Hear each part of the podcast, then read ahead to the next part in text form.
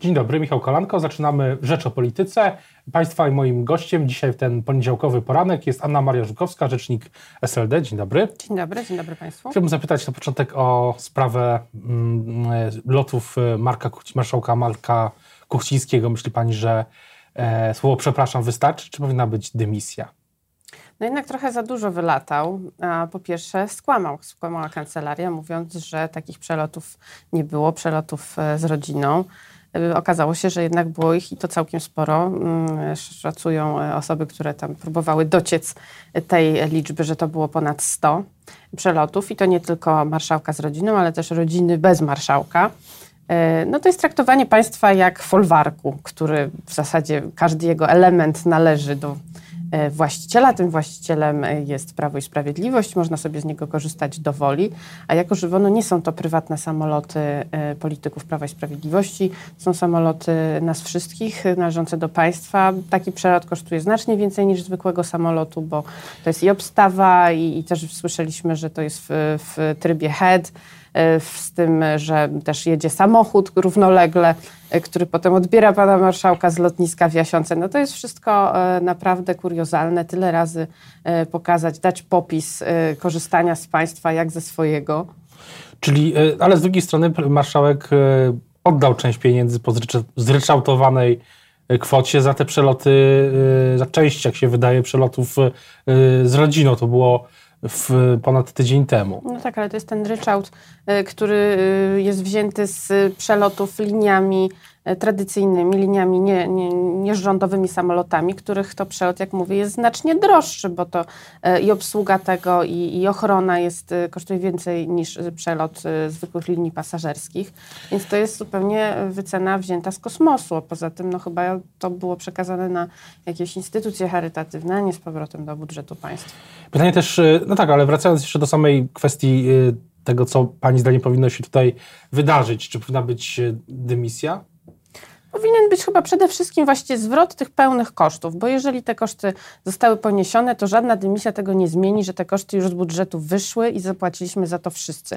Gdyby tak się stało, e, to może pan marszałek jakoś by e, się uchronił przed taką decyzją, która to decyzja i tak nie zapadnie, nie zostanie podjęta przez niego samego, e, tylko przez pana prezesa Kaczyńskiego. A uważa pani, że ta, ta sprawa zaszkodzi e, Prawu i Sprawiedliwości? No, to jest kolejny serial taki, jeżeli chodzi o mm, wydawanie publicznych pieniędzy. Myślę, że Polki Polacy tego nie lubią, traktują to bardzo negatywnie, że to może mieć jakiś wpływ wizerunkowy na, i też na notowania Prawa i Sprawiedliwości, no bo to kolejny taki popis władzy, w której władza nie liczy się z niczym i, i, i czerpie po prostu z budżetu pieniądze jak ze swojego skarbca. A gdybym był symetrystą, to powiedziałbym, że no tak, ale przecież Donald Tusk też latał do Gdańska. No, do, Donalda Tuska mm, to niech broni, bronią przedstawiciele Platformy Obywatelskiej. Myślę, że jednak tych lotów chyba było e, nieco mniej, ale oczywiście też, też powinno, powinno to tak wyglądać. E, później, później Donald Tusk, z tego co pamiętam, e, zaczął jeździć do Gdańska, bo latać rejsowym samolotem. Teraz zresztą w mediach społecznościowych, kiedy jest szefem Rady Europejskiej, to są zdjęcia, że lata też rejsowym samolotem do Gdańska. No to dobrze, że się tego nauczył. E, to mogę mu pogratulować. E, większość polityków europejskich, nawet wysokiej rangi, nie ma problemu z tym, żeby przemieszczać się e, liniami rejsowymi, zwłaszcza jeżeli to jest zwykła podróż weekendowa do domu, a nie w sprawach państwowych, wagi państwowej. A tak było, jeżeli chodzi o pana Donalda Tuska, latał do domu i pan Kuchciński również lata sobie po prostu do domu.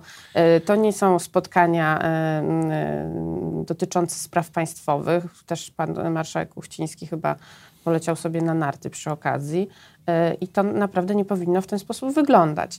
Od tego są e, zwykłe, prywatne samochody, albo można po prostu sobie ten lot, który akurat do Rzeszowa tak strasznie drogi nie jest, wykupić zwyczajną linią rejsową. W piątek ma być e, sejmowa debata nad odwołaniem marszałka Kuchcińskiego. Ten wniosek złożyła Platforma Obywatelska, ale zanim w piątek ta debata się odbędzie, albo może będzie już bezprzedmiotowa, no to e, pytanie, co dzisiaj się wydarzy, jeśli chodzi o lewicę? Bo dzisiaj o 13 zapowiadana jest konferencja prasowa liderów e, lewicy i pytanie, co, czego możemy się spodziewać? Czy poznamy nie wiem, nazwę, formułę startu?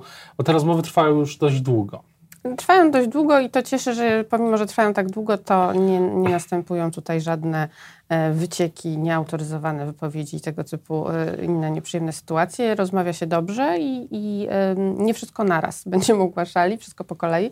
Dzisiaj ogłosimy skład sztabu, decyzję Roberta Biedronia w sprawie startu, a potem będziemy ogłaszali kolejne um, informacje związane z tym, w, w jakiej formule, z jaką nazwą, w jakim trybie i tak dalej. Bo też, pyta, też pojawiły się, mówi Pani, że nie było nieoficjalnych informacji, ale niektóre, ale są nieoficjalne, y, może prawdziwe, może nie, informacje, że, y, że cała, y, cały projekt będzie się nazywał Lewica i że SLD będzie, będzie się przekształcało, czy zmieniało nazwę na Lewica. Pani to potwierdza, zaprzecza? Takie informacje się pojawiły i rzeczywiście to, że chcielibyśmy, żeby taki projekt nazywał się po prostu Lewica, nie jest tajemnicą, e, bo to już ja też wcześniej zapowiadałam, że, że taka nazwa byłaby nazwą um, po prostu najlepszą, bo podsumowującą wszystko, zbierającą bez żadnych e, przymiotników. Jest to oczywiste, że, że to jest lista lewicowa i, i to jest bardzo krótka, e, treściwa nazwa. Natomiast jeżeli chodzi o Sojusz Lewicy Demokratycznej, to my mamy przypominam, demokratyczne struktury, zawsze te decyzje podejmujemy demokratycznie. Jeżeli będzie taki, taka um, możliwość rozważana, to będziemy musieli przeprowadzić głosowanie naszych um, struktur um, i wtedy, wtedy będziemy decydowali, ale w tej chwili jeszcze ta decyzja nie zapadła, rozważamy wszelkie inne możliwości e, cały czas, więc e, jak będzie decyzja, będziemy ogłaszać. No tak, ale już jutro albo inaczej, w tym tygodniu mm, prawdopodobnie w tym tygodniu, albo niemal w tym tygodniu prezydent Andrzej Duda ogłosi termin wyboru, więc y, już tego czasu do, jeśli chodzi o decyzję, jest coraz mniej, a w zasadzie już go nie ma.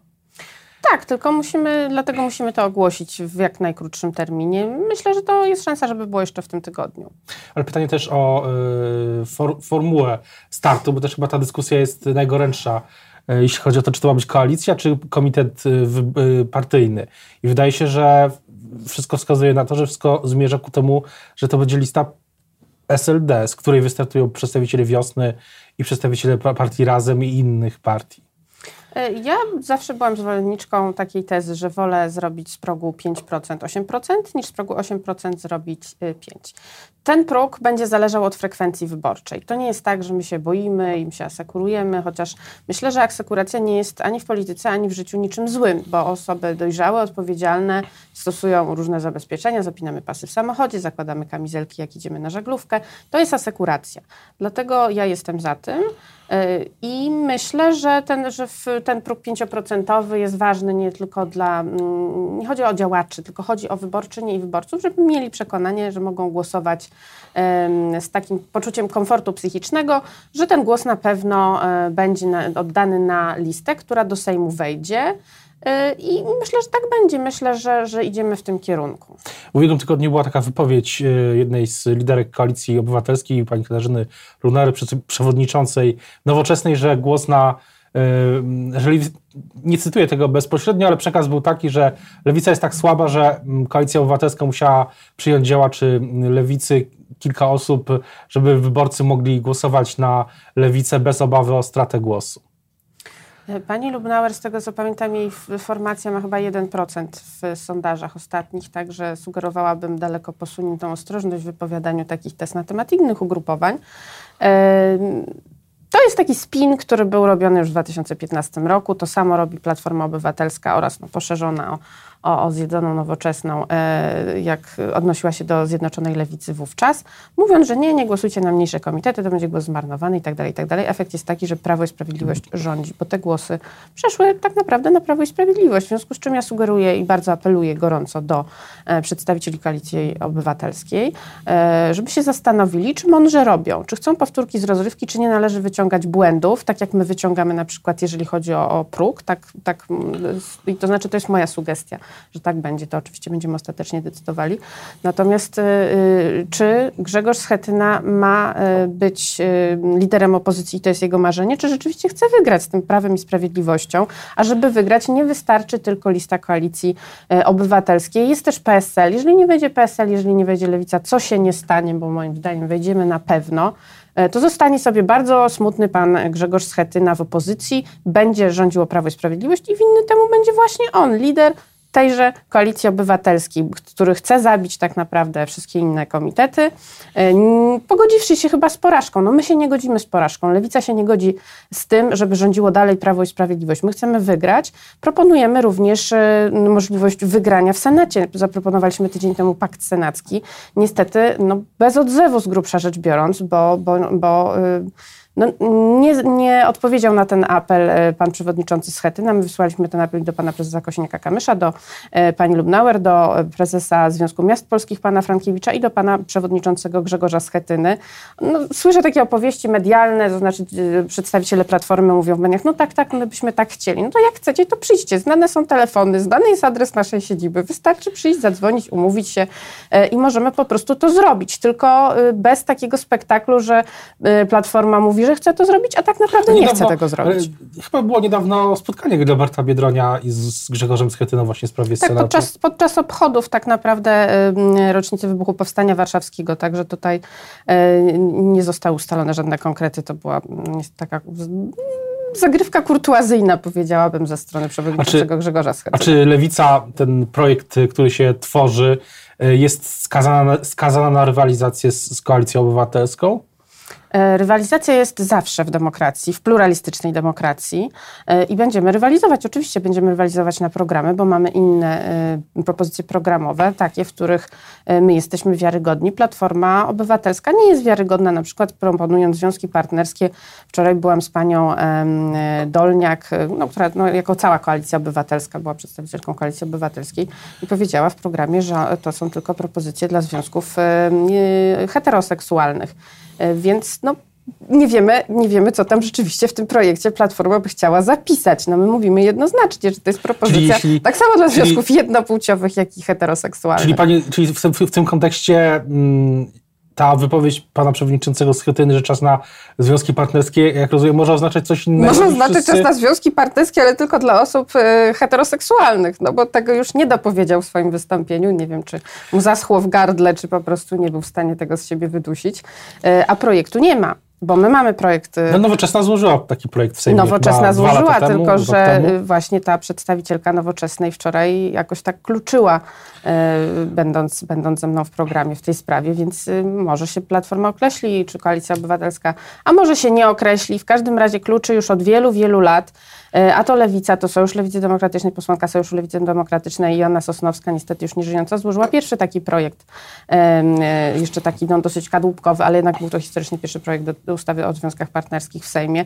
E, i walczymy o to od wielu, wielu lat, więc my jesteśmy też bardziej wiarygodni, jeżeli chodzi o in vitro, bo Platforma się pięć lat z tym woziła. My jako pierwsi Sojusz Lewicy Demokratycznej w Częstochowie wprowadził in vitro refundowane z budżetu, z budżetu samorządowego prezydent Krzysztof Matyjaszczyk, potem w Łodzi walczyliśmy o to w kolejnych miastach, w związku z czym no, są kwestie, w których, y, w których jest lewica zdecydowanie bardziej wiarygodna i są, na pewno są kwestie, w których Platforma jest bardziej wiarygodna, dlatego kwestie no, na przykład obniżania podatków albo, albo innego tego rodzaju, w związku z czym niech każdy walczy y, programowo. I tutaj nie ma nic dziwnego w tym, że w demokracji się walczy na programy. Wracając jeszcze do, y, do samego projektu Lewica, jest pytanie o, o te zarzuty, które pewnie Pani też widziała w mediach społecznościowych nie tylko, publicyści podnoszą taki zarzut czy argument, że to źle, że Lewica ustawia się jako trzech, że trzech tenorów y, lewicy, y, a nie ma żadnej tenorki, że nie ma jakby wśród liderów tego projektu nie ma mm, tych trzy, trzy partie, trzy, trzech mężczyzn. Czy pani uważa, że to jest problem dla lewicy, że ten projekt jest kojarzony z trzema przewodniczącymi trzech partii? E, z tego co wiem, to Andra, Adrian Zandberg nie jest przewodniczącym, jest y, jednym no, z jest, członków zarządu uzna, kolektywnego partii tak, Razem. jest uznawany za lidera. Razem. Jest uznawany za lidera, bo media go tak y, uznały za lidera. Lewica Razem ma wiele liderek również. Tak samo i Sojusz Lewicy Demokratycznej i y, partia Wiosna. Jest problem z tym, moim zdaniem problem mediów, które no, uwielbiają e, skupiać swoją uwagę na mężczyznach. I ja naprawdę to no, na własnej skórze mogę powiedzieć odczuwam, chociaż dziękuję za zaproszenie, więc wydaje mi się, że jednak te kobiety na lewicy są, skoro tu siedzę. Ale, ale jest tak, że widzę tych fotoreporterów, którzy naprawdę szukają takiego kadru, e, żeby z tego kadru po prostu wyciąć wszystkie kobiety, które tam są. Tylko to jest, to jest robione celowo.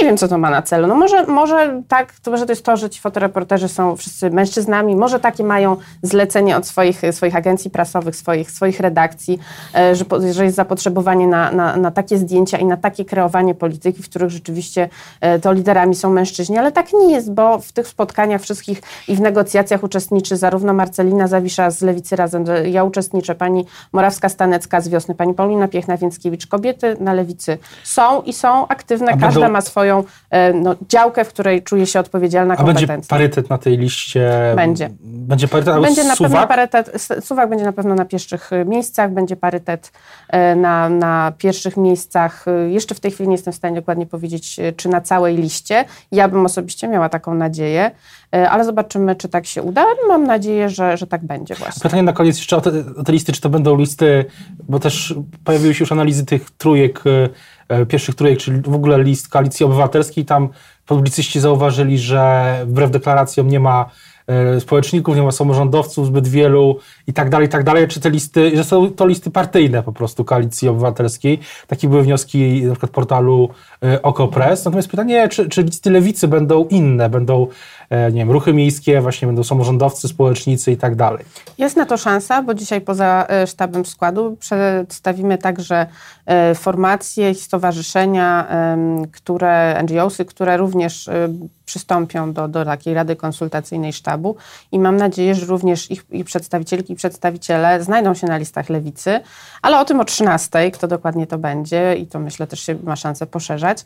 E, także jest, jest taka szansa e, dosyć duża, że przedstawiciele ruchów miejskich, organizacji społecznych, ruchów społecznych e, także będą na, na listach lewicy. Bardzo bym tego chciała, to na pewno da większą reprezentację tym ruchom, zważywszy na to, że, to, to, że ten termin, że ta kampania będzie taka krótka, że ten termin na zbieranie podpisów będzie mniejszy, powoduje, że no, to narusza demokrację tak naprawdę, bo takie ruchy, organizacje społeczne, które nie mają struktur w całym kraju, są, no nie są partiami politycznymi, mają ograniczone możliwości, żeby zebrać podpisy pod swoimi listami, gdyby chciały wystartować jako komitet wyborczy wyborców. E, I to Prawo i Sprawiedliwość takim ruchem, e, pan prezydent, e, który ogłosi niebawem, rozumiem, termin wyborów, ogranicza demokrację. Być może na początku Więc to jest szansa dla tych przedstawicieli, żeby, żeby mogli dostać się do No, no będziemy analizować i listy lewicy, tak jak analizują media listy Koalicji Obywatelskiej czy Prawa i Sprawiedliwości, które też w tym tygodniu mają zostać ujawnione, jak rozumiem. Teraz bardzo to będzie dzisiaj o 13 i w tym tygodniu kampania już się zacznie. Teraz bardzo dziękuję za rozmowę. Y, państwa i moim gościem dzisiaj była Anna Majorzkowska, rzecznik y, Sojuszu Lewicy Demokratycznej. Ja nazywam się Michał Kolanko. Zapraszam na Rzecz o Polityce jutro w imieniu Jacka Nizinkiewicza. Do zobaczenia. Dziękuję bardzo.